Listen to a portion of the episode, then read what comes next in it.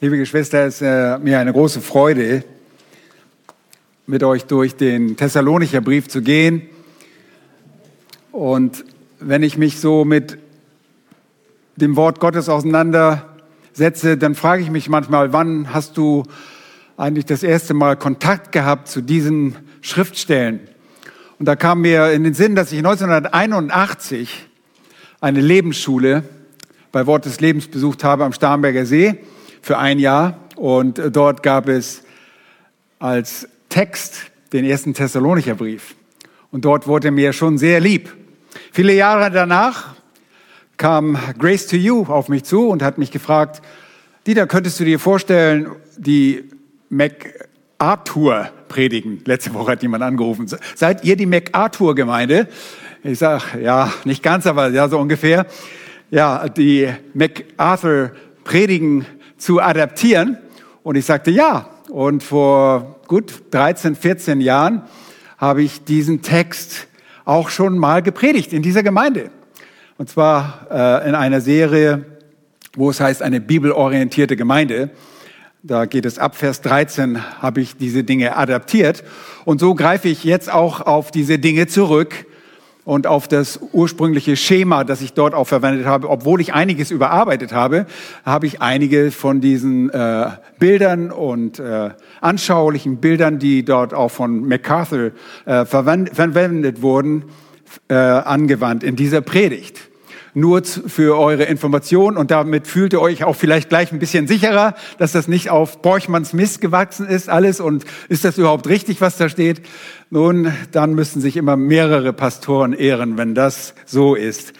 Also, das tun wir bestimmt auch nicht, dass wir nicht prüfen. Außerdem sprechen wir einander an als Pastoren, wenn wir so etwas predigen und das nicht korrekt ist.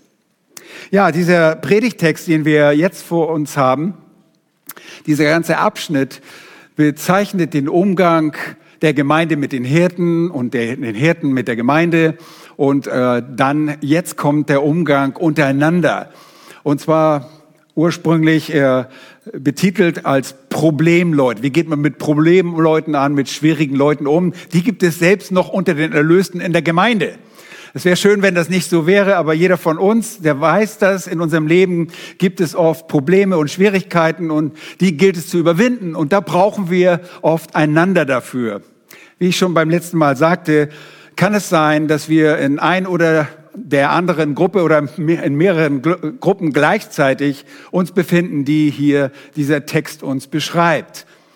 Und sicherlich kann man auf den ersten Blick gar nicht so schnell erkennen, äh, dass es sich hier um mehrere äh, Gruppierungen gibt. Und ihr müsst nicht an statische Gruppen denken, sondern das ist äh, ein bisschen dynamisch hier. Man kann in ein oder zwei Gruppen von Bezeichnung, Typen von Menschen gehören zu bestimmten Zeiten.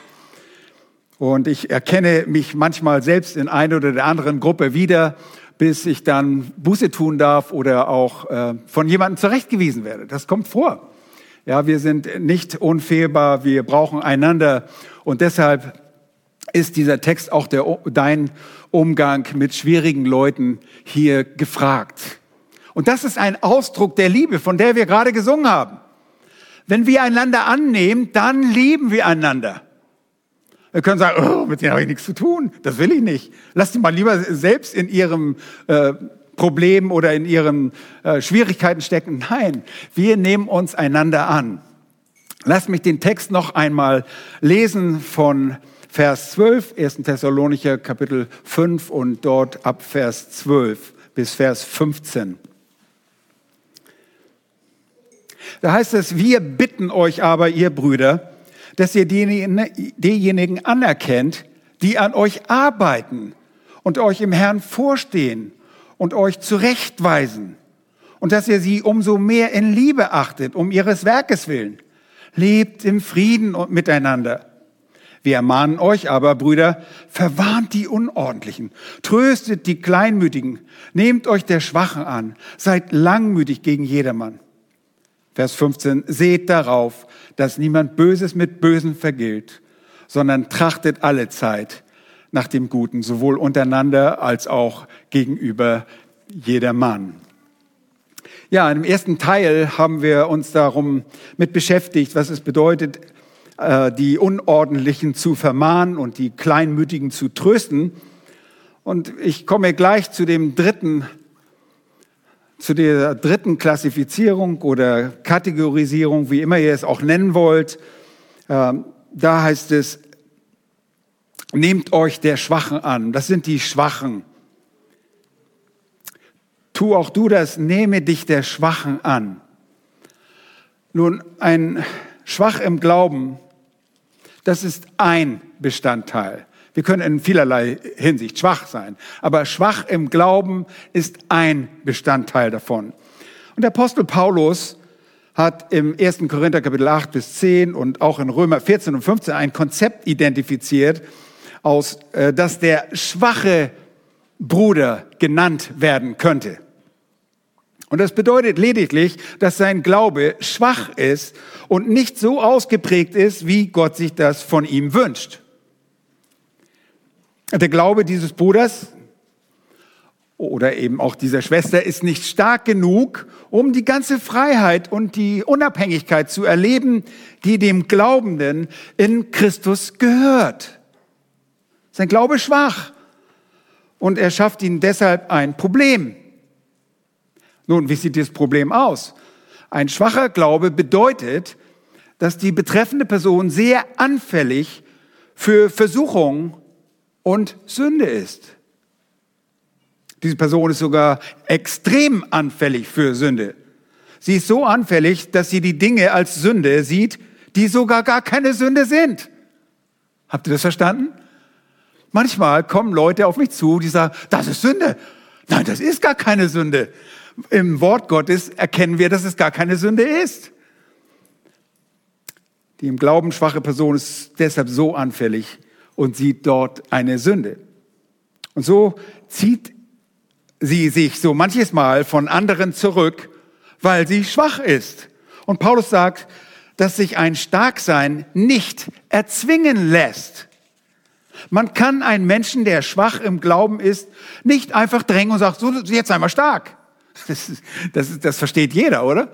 Du kannst nicht auch sagen zu einem gebrechlichen Mann, der ganz schwach ist, du, du werd mal langsam stark. Geh mal ins Fitnesszentrum und morgen bist du stark. Nein, das lässt sich nicht erdrängen. Sonst drängt ihr so einen Menschen, so einem im Glauben schwachen Menschen in eurer Freiheit zu einer Sünde. Ihr bringt einen solchen Menschen gegebenenfalls in eine Versuchung, die er noch nicht bewältigen kann. Nun, nehmt einmal an, und das ist äh, ein, eine Situation, die wir auch aus der Bibel ableiten können, ihr wurdet aus dem heidnischen Götzendienst erlöst und habt euch davon bekehrt. Erinnert euch an die Thessalonicher? Die hatten sich von Götzen abgekehrt. Und ihr habt vielleicht von der äh, zuvor die Artemis oder die Diana der Epheser angebetet, einfach eine falsche Gottheit angebetet. Stellt euch vor, ihr habt zu Jesus Christus gewendet und jemand serviert euch jetzt ein Essen und ihr fragt, das sieht appetitlich aus. Wo hast du das Essen her? Und ihr antwortet, Freudestein, ich habe das von dem Fleischmarkt. Und dieses Fleisch wurde zuvor der Diana geopfert. Uh, könnt ihr euch vorstellen? Euer Gegenüber schnappt nach Luft und sagt, ich kann kein Fleisch essen, das von das Götzen geopfert wurde. Niemals, das geht nicht. Und du antwortest, hey, hör mal zu, Götzen sind einfach nur geschnitzte Sachen, die gibt es gar nicht. Du hast die Freiheit. Ist das nur Fleisch? Da, da ist nichts mit los. Das ist viel günstiger, wenn du es auf dem Fleischmarkt kaufst. Das kannst du ruhig essen. Nein, das Problem in diesem Moment ist, wenn dieser Jungbekehrte das Fleisch verzehrt, versetzt du ihn zurück in die ganze Situation, aus der er kam. In dem Moment, wo er dieses Fleisch isst, verletzt er sein Gewissen, weil er vielleicht denkt an die heidnischen Gebräuche, die Götzenanbetung, die Sittenlosigkeit, all der Müll, der mit diesem äh, System in Verbindung war. Und das tut er nicht und er kann, hat noch nicht diese Freiheit, weil er schwach ist, weil er im Glauben schwach ist. Und das geht so, bis sein Glaube gewachsen ist und groß ist und er sich die Veränderung seines Lebenswandels wirklich zu eigen gemacht hat. Nun, bis zu diesem Punkt geistliche Reife wird er gedanklich sündigen, wenn er all das wieder in seiner Gedankenwelt durchleben wird. Solche Menschen darf man einfach nicht zu schnell etwas drängen. Bei uns damals, als ich auf dem Missionsfeld war, bei den Indianern, Indianer haben eine spirituelle äh, Bedeutung in dem Trommelspiel.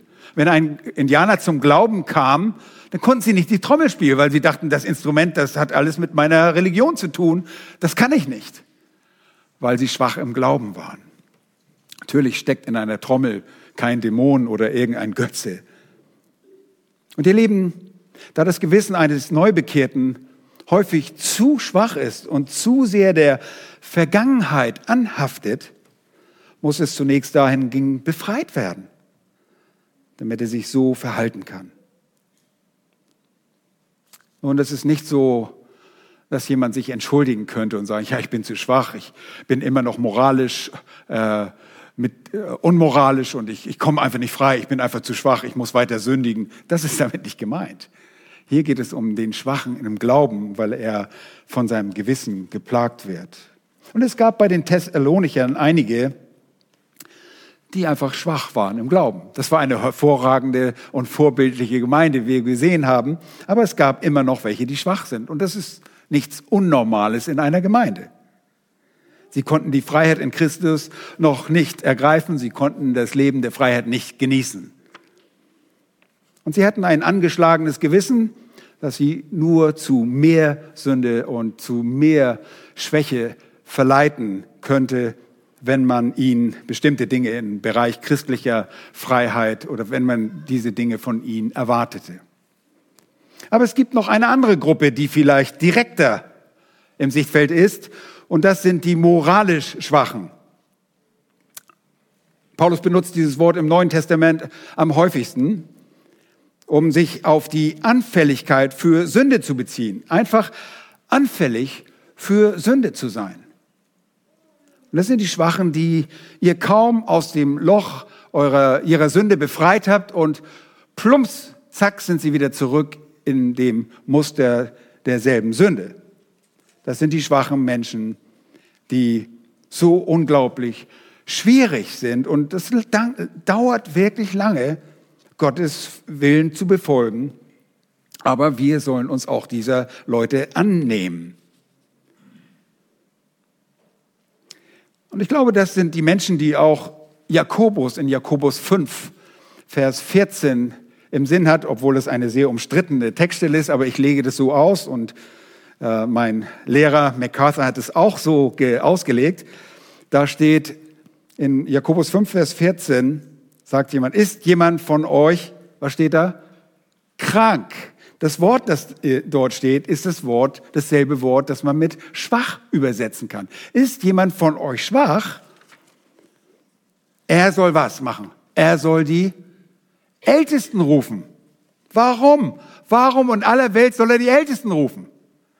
Nun, weil sie im Glauben die Stärkeren sind und euch halten und für euch beten werden und ihr dem, in dem Stand der Schwachheit, wenn ihr Sünden begangen habt, dann werden sie euch vergeben werden, sagt der Text. Wenn ihr geistlich, moralisch schwach seid, dann haltet euch zu den geistlich Stärkeren. Ich bin so ermutigt. Das passiert häufig in der Woche, dass ich einen Anruf kriege und sage, Dieter, kannst du mal gerade für mich beten?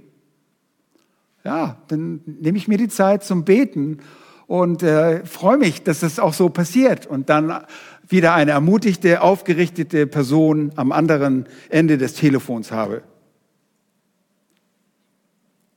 Nun, die Gemeinde ist voll von moralisch schwachen Leuten und die sind auch in gewisser Weise Hindernisse und Stolpersteine im Wachstum, wenn man darin verharrt. Keiner von uns möchte das sein. Diese Schwachen behindern das Wachstum und die Effektivität der Gemeinde. Deshalb sind wir gefragt in unserer Liebe, was sollen wir mit ihnen machen? Sollen wir auf sie herabsehen und sagen, oh nein, was für ein schlimmer Mensch? Auf keinen Fall. Sondern wir sollen, sie annehmen. Wir sollen ihnen helfen.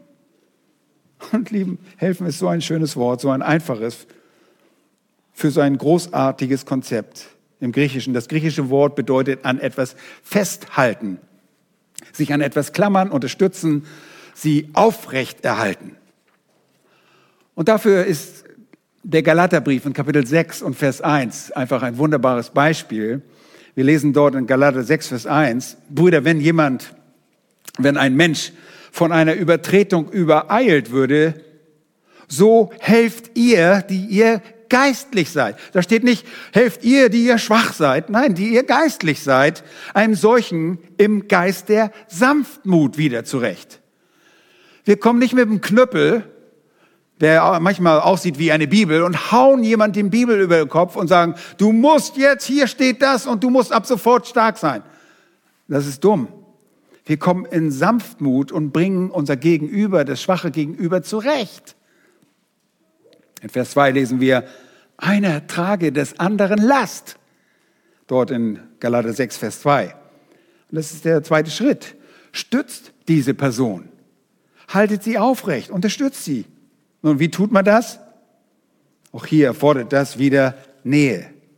Das geschieht, wenn du, wenn ihr, beziehungsweise wenn du auf diesen Menschen zugehst. Nicht wir, deshalb sind wir alle gefragt. Dies ist der Umgang, den wir miteinander in der Gemeinde haben. Und ich muss das betonen. Das muss geschehen von dir gegenüber deinem Nächsten. Da, wo du es feststellst, dort musst du aktiv sein. Die Gemeinde wächst erst, wenn die Schafe sich umeinander kümmern. Wenn alle das Wohlergehen der anderen Schafe wichtig genug nehmen, dann kann die Gemeinde wachsen. Wir müssen das wichtig genug nehmen, um den Unordentlichen ermahnen, den Kleinmütigen müssen wir ermutigen und den Schwachen müssen wir stützen. Dann fängt die Gemeinde auch an zu wachsen. Und das erfordert euer, soll ich sagen, dein Engagement als Kind Gottes. Ihr Lieben, das ist wahres Wachstum der Gemeinde, wenn das beginnt, wenn wir einander so behandeln und so einander lieben. Ihr könnt alle anderen Methoden, auch von Gemeindewachstum, könnt ihr eigentlich an den Nagel hängen, könnt sagen, das ist schön, was ihr da vorschlagt, aber das ist nicht die Antwort. Die Antwort finden wir in der Bibel. So oft denken sich irgendwelche Leute eine neue Methode aus. Ich habe gefunden, wie wir jetzt das Herz der Menschen erreichen. Wir müssen nur diesen Knopf drücken und das machen und jene Musik spielen. Ihr Lieben, das ist nicht die Antwort. Die Antwort ist, dass wir zum Wort Gottes gehen und feststellen, hier müssen wir einander dienen. Wir werden nur eine Gemeinde zu Gottes Wohlgefallen sein, und uns auch richtig entwickeln und wachsen, wenn wir so handeln, wie es hier in unserem Text steht. Nun, wir kommen noch zu einer weiteren Gruppe, die man vielleicht nicht so schnell erkennt, wenn man nur einen flüchtigen Blick in die Bibel äh, richtet, dann erkennt man das nicht so schnell. Aber da heißt es, dann sollen wir uns noch was? Der Text sagt, seid langmütig gegen jedermann. Diese Gruppe besteht aus allen aber nicht allen gegenüber muss man langmütig sein. Ist es klar? Warum muss man geduldig sein? Es sind Leute, die euch ermüden, weil sie schwierig sind. Und deshalb müssen wir langmütig gegenüber jedermann sein, ob sie nun in der Gemeinde sind oder außerhalb der Gemeinde. Sei geduldig mit den Ermüdenden. Und wenn wir den Text lesen, dann steht da jedermann. Und das jeder in jedermann, das ist Pantas, muss sich auf Menschen beziehen, mit denen wir sonst schnell ungeduldig werden würden. Und das, das geht schnell in der Gemeinde, oder? Wir haben unterschiedliche Vorstellungen, äh, ob das in der Küche ist oder, ja, oder einer macht den Dienst nicht, warum macht er denn das nicht? Und man kann sich so schnell aufregen. Ihr Leben seid langmütig gegen jedermann heißt nichts anderes als seid geduldig mit allen Menschen, die eure Geduld auf die Probe stellen. Und das ist die vierte Klassifizierung im Text. Und von diesen Menschen gibt es auch nicht wenige. Wie gesagt, wir gehören vielleicht auch selber dazu und merken das nicht einmal. Deshalb brauchen wir einander. Deshalb brauchen wir die Langmut des anderen. Aber auch die gibt es in der Gemeinde. Manchmal gehörst du dazu. Aber es gibt solche, die wirklich eine Tendenz dazu haben, die Geschwister immer wieder zu frustrieren. Es kann nicht dauerhaft, dauerhaft eine in Sünde leben, das äh, möchte ich betonen. Nie, keiner in diese Kategorien kann da permanent drin bleiben, ohne dass er unter die Gemeindezucht fällt. Ja, in, in Sünde kann man gar nichts tolerieren, aber hier geht es darum, Leute zu tragen, die schwierig sind und es Probleme bereiten. Und das ist okay, wir sollen geduldig sein. Und zwar in der Art und Weise, wie Gott mit uns geduldig ist, mit dir und mir. Stell dir vor, Gott sagt, nee, Dieter, ich habe gezählt, 925 Mal warst du jetzt schon in dieser Sache nicht treu. Schluss, ausgestampft. Nein. Leute, wir kennen sicherlich alle Leute, dass ihr jemanden unter eure Fittiche genommen habt und ach, ihr habt ja lange jemanden unterwiesen, vielleicht Jüngerschaft gemacht haben, dass, dass diese Person sich dann abwendet und euch enttäuscht, das sind richtig große Enttäuschungen. Ihr rüstet jemanden zu und er kehrt sich ab und er geht. Ihr Lieben, das ist extrem enttäuschend. Und als Familie haben wir das gerade in der extremsten Art und Weise erlebt. Ihr wisst, was ich meine. Und ihr Lieben, die Gemeinde steckt voller Leute, die unterwiesen, geschult und in die, die zugerüstet werden. Und diese Geschwister müssen ermahnt, sie müssen gestärkt, sie müssen belehrt, sie müssen motiviert und ermutigt werden. Und ihr Wachstum ist manchmal kaum wahrnehmbar. Und das ist mitunter die ernüchterndste Tatsache im Leben einer Gemeinde. Ihre Entwicklung scheint nie normal zu laufen. Und in dieser Gruppe gibt es Leute, die werden durch alles und nichts abgelenkt. Alles bremst sie in ihrem Rennen. Sie haben vor allem Schwierigkeiten, sich auf das Richtige zu fokussieren. Sie sind undiszipliniert in geistlichen Angelegenheiten und undiszipliniert in den Mitteln der Gnade. Und sie können einem schlicht das Herz brechen. Und es gibt dabei sehr viele Hirten, die die Unordentlichen überlebt und die Kleinmütigen und die Schwachen überdauert haben, die aber dann auf dem Altar derjenigen geopfert wurden, die uns zur Verzweiflung bringen. Sie sind letzten Endes unter den ermüdenden Menschen zusammengebrochen, weil sie auch selbst denken, dass sie allein sich darum kümmern müssen. Wir als Hirten, wir sind nicht die Macher. Du bist gefragt. Du bist genauso wichtig wie jedes andere Gemeindemitglied. Schließlich sagen sich Hirten, weil sie die ganze Verantwortung auf sich nehmen, ich kann nicht diese Person in Bewegung setzen. Das können wir tatsächlich nicht. Sie bewegen sich einfach nicht von der Stelle. Sie sind geschult, tun aber nicht das, worin sie geschult worden sind und unterrichtet worden sind. Sie wurden unterwiesen, aber sie leben nicht so, wie wir es ihnen auch beigebracht haben. Lieben, das ist schwierig. Das ist problematisch.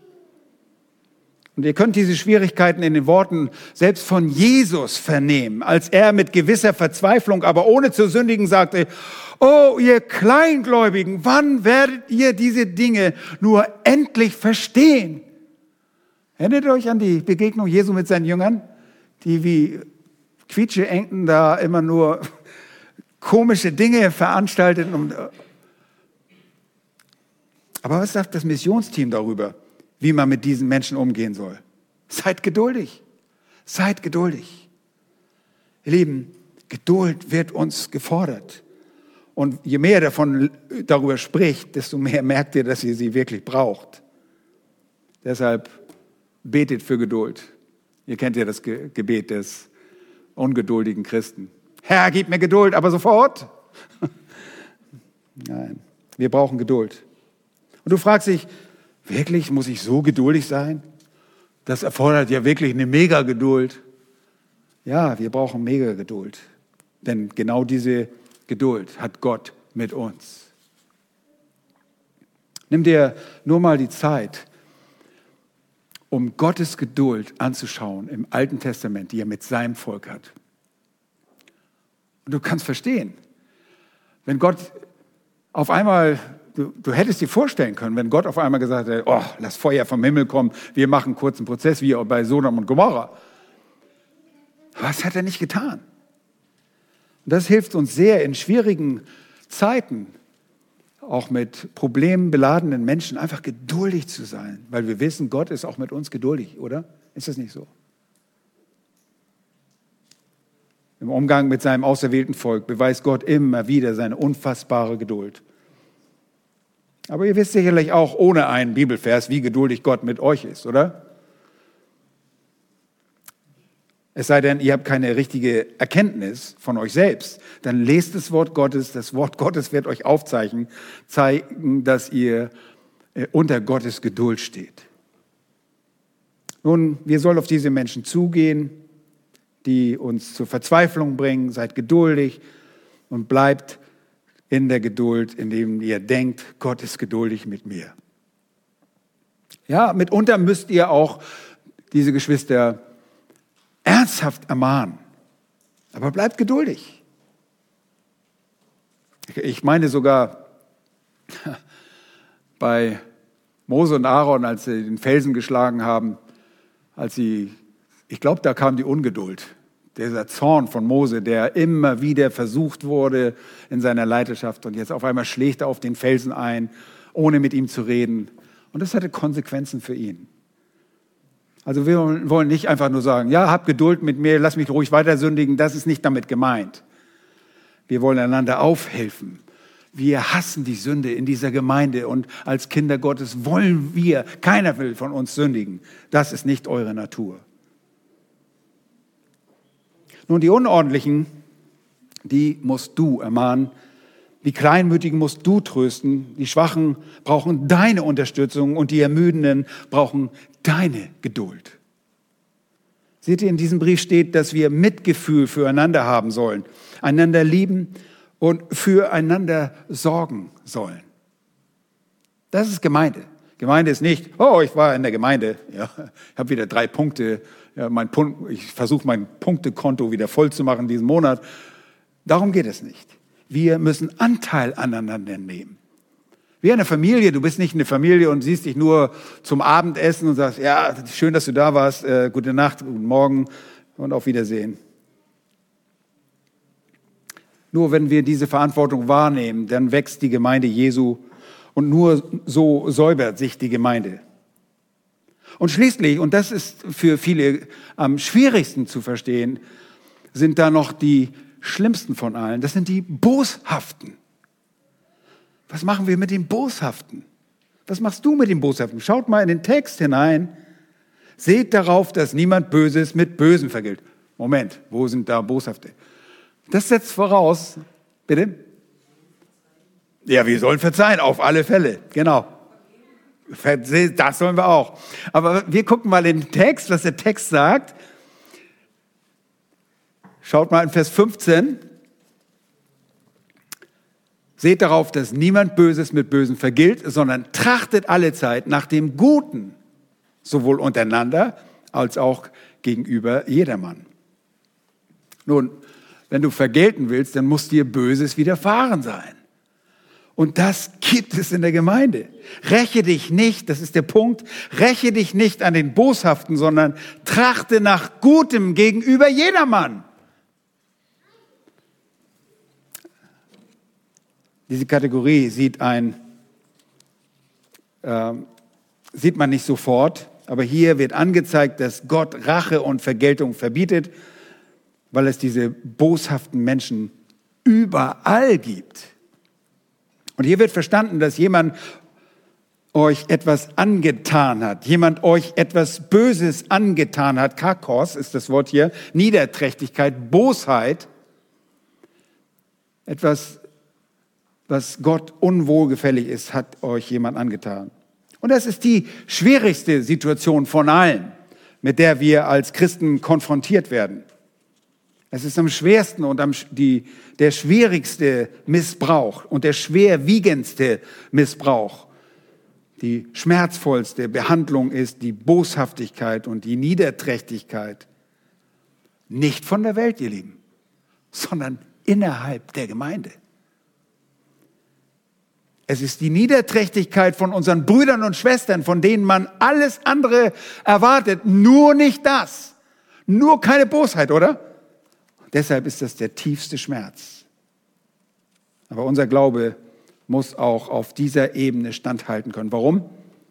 Weil diese Situation nicht fiktiv ist. Das ist real. Das gibt es in der Gemeinde. Meine Frau erzählte mir von, von einem Frauenvortrag, in der sie hörte, dass Gemeindemitglieder ihrem Pastor eine Waffe an den Kopf gehalten haben. Mitglieder einer Gemeinde ihrem Pastor die Waffe an den Kopf gehalten haben, gesagt, wenn du das nochmal machst, bringen wir dich um. Dem Herrn sei Dank, so weit sind wir wirklich nicht, aber in ähnlicher Weise gibt es doch Böses, was uns angetan wird. Und die Brüder sagen hier zunächst, seht hier sind Menschen in der Gemeinde, die euch verletzen werden, die euch Böses antun werden. Sie werden euch direkt mit niederträchtigen Worten schaden, die euch direkt angreifen. Sie werden euch indirekt durch Klatsch oder Verleumdung schaden und indem sie anderen Menschen Böses über euch erzählen. Manchmal schaden sie euch direkt, indem sie euch einfach aus ihrer Gemeinschaft ausschließen oder aus dem Dienst, dass sie nichts mit euch zu tun haben wollen ihrem gesellschaftlichen Kreis. Und das, weil sie eifersüchtig, neidisch, voller Hass, Bitterkeit und Ärger sind. Manchmal schaden sie euch direkt, indem sie auf Gottlose hören, was sie zu euch über eine andere Person in der Gemeinde sagen. Ihr Lieben, lasst uns aufpassen. Oh, vielleicht schaden sie euch direkt, indem sie in einer sexuellen Sünde eure Tugend stehlen eure Ehe zerstören, euch etwas Kostbares nehmen oder eure Kinder boshaft beeinflussen, Flussen missbrauchen.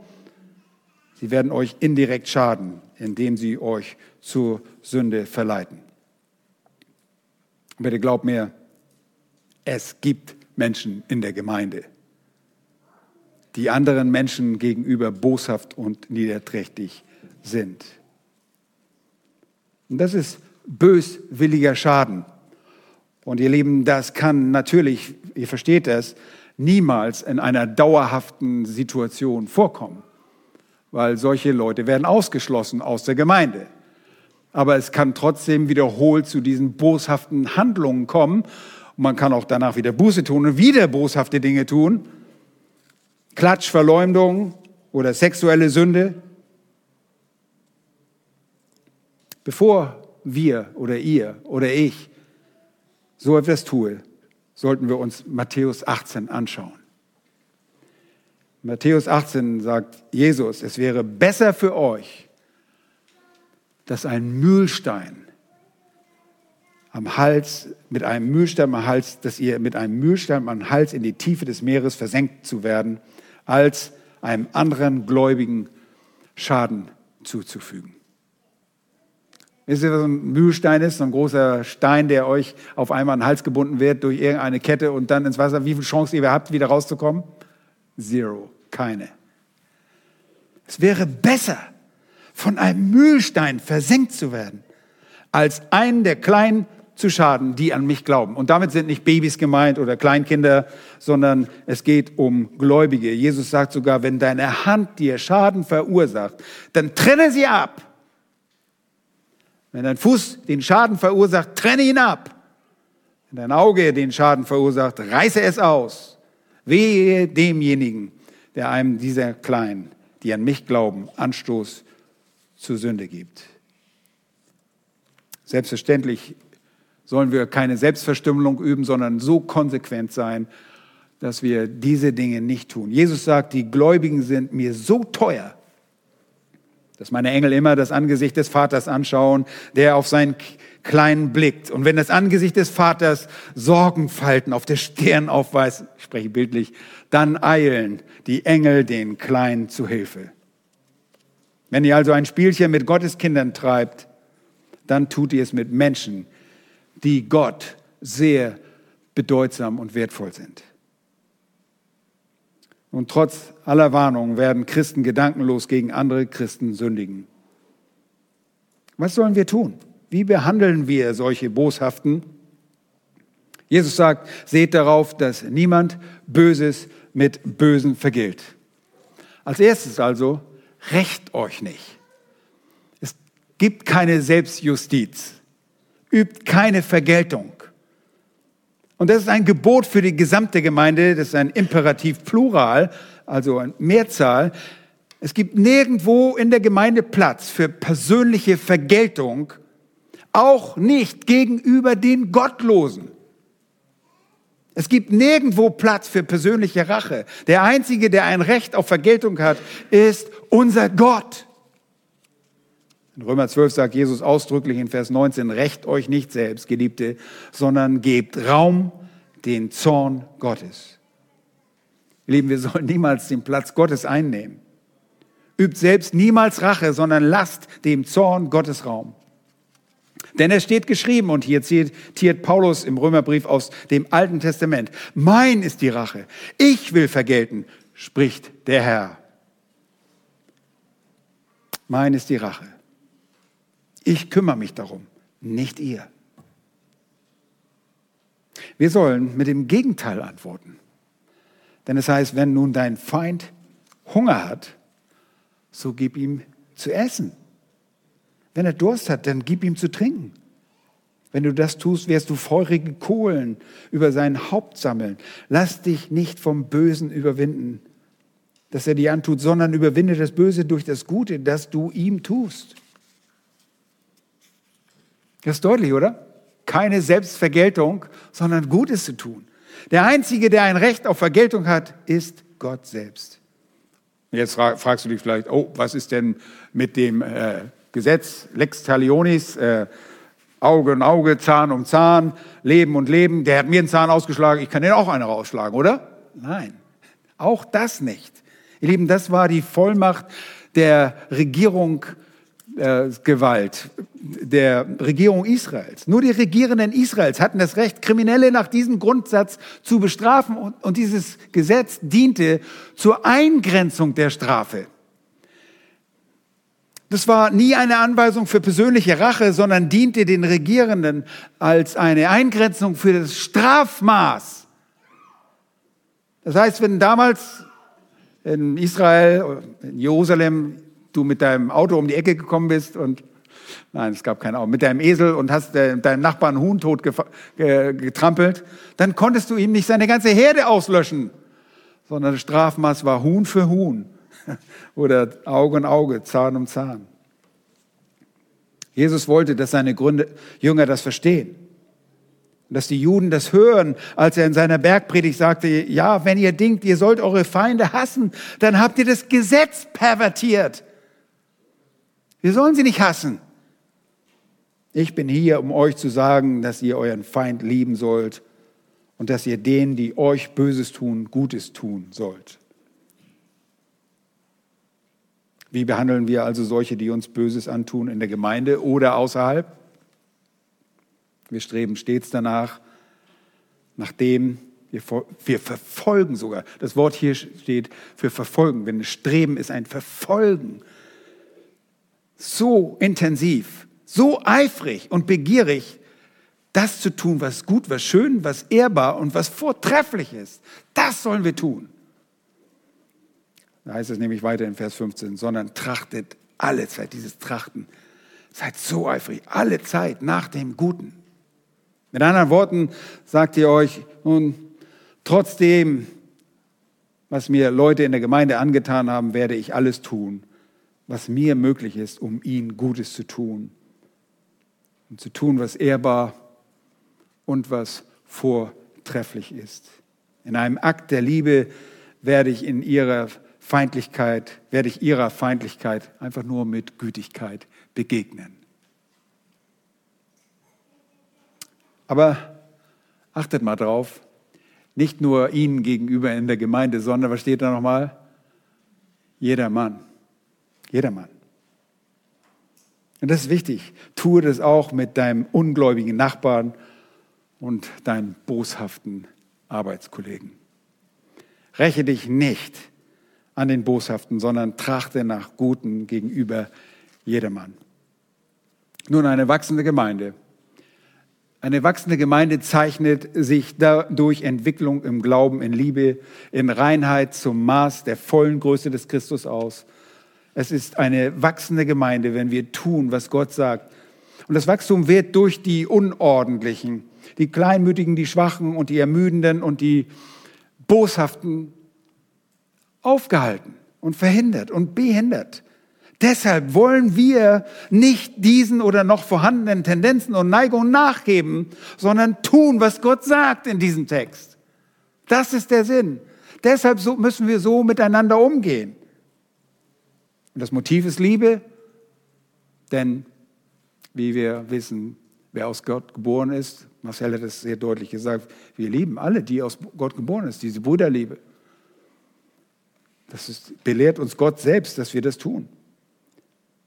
Wenn die Gemeinde also wachsen soll, dann nicht, weil irgendjemand eine Strategie entwickelt hat oder das Programm interessanter gestaltet hat oder weil irgendeine Komponente im Programm fehlt oder weil wir irgendjemand nichts auf Camp geschickt haben. Oh meine Güte, was haben wir versäumt? Nein, darum geht es nicht. Es geht darum, diesen Menschen zu helfen, dass sie wieder Christus sehen. Und das eigentliche Problem darf niemals umgangen werden. Und das ist die große Gefahr dabei, dass wir versuchen, die Dinge selbst in die Hand zu nehmen, nur auf uns zu sehen. Oh Lieben, die Gemeinde wird wachsen, wenn die Hirten und die Schafe eine enge Beziehung miteinander aufbauen und diese enge Beziehung auch unter den Schafen besteht, damit sie dann willig den unordentlich, die Unordentlichen ermahnen. Ich meine, das ist keine besondere Freude, jemanden zu vermahnen, oder? Und wenn das nur bestimmte Leute machen, dann, dann wird man von diesen Leuten denken, der meckert nur, der ist immer nur böse zu mir. Aber wenn wir alle das machen und das, die Absicht ist eine gute, das ist, wenn nur einer Liebe übt, das reicht nicht. Die ganze Gemeinde soll Liebe üben und einander vermahnen und die Kleinmütigen trösten und die Schwachen stützen und langmütig gegen die Ermüdenden zu sein und den Boshaften mit liebevoller Güte begegnen. Oh ihr Lieben, wenn die Gemeinde solch eine Gestalt annimmt, dann wird sie wirklich wachsen. Und ich meine, ich rede nicht von zahlmäßigem Wachstum. Es geht um qualitatives Wachstum. Was Gott zahlmäßig daraus macht, das ist auch seine Sache. Das macht er, wie er das will. Das ist absolut souverän. Bitte beachtet den Kontext. Natürlich wird ein Sünder, ein verharrender Sünder, ein schwieriger Mensch aus der Gemeinde hinausgetan, wenn er darin verharrt. Aber das Problem ist niemals eine Sünde an sich. Jede Sünde kann vergeben werden. Mord kann vergeben werden. Ja, zwar werdet ihr dann eingelocht, aber die ist vergeben. Und hier in der Gemeinde sind wir bereit, einander zu vergeben, so wie Christus uns vergeben hat. Wir müssen uns dafür einsetzen, das zu sein, was die Gemeinde tatsächlich ist, der Leib Jesu Christi. Und dafür wollen wir beten. Lass uns das tun. Herr, wir danken dir für dein Wort, dass du uns hilfst in dem Zusammenlegen miteinander, dass wir von dir selbst aufgefordert werden, in Lieben in Liebe miteinander umzugehen, auf eine ganz bestimmte Art und Weise. Dass wir einander vermahnen. Solche, die aus der Reihe tanzen. Dass wir trösten. Solche, die kleinmütig sind. Klein beseelt sind, die nicht viel wagen, die nicht sich trauen und kleingläubig sind auch. Herr, wir wollen auch die Schwachen nehmen und sie annehmen Gleichzeitig wollen wir es nicht verwechseln mit jemandem, der nicht willig ist, der gegen dein Wort rebelliert.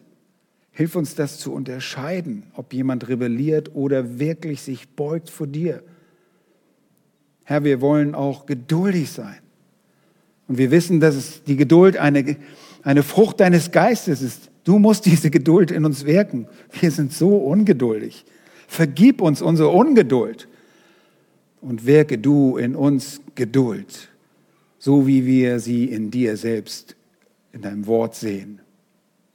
Herr, und dann hilf du auch, dass wir nicht Selbstjustiz üben und Böses mit Bösen vergelten, sondern bestrebt sind, danach jagen, Gutes zu tun.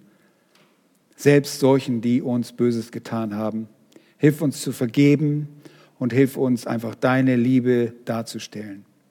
Das soll unser Wunsch sein. Und deshalb bitten wir, dass du uns ein gutes Miteinander schenkst in dieser Gemeinde, damit deine Gemeinde auch wachsen kann. Es ist deine Gemeinde. Wir danken für deine Vorgabe, deine Maßgabe, die du uns geschenkt hast in deinem Wort, deine klaren Worte. Wir danken dir von Herzen dafür und beten dich an. Amen.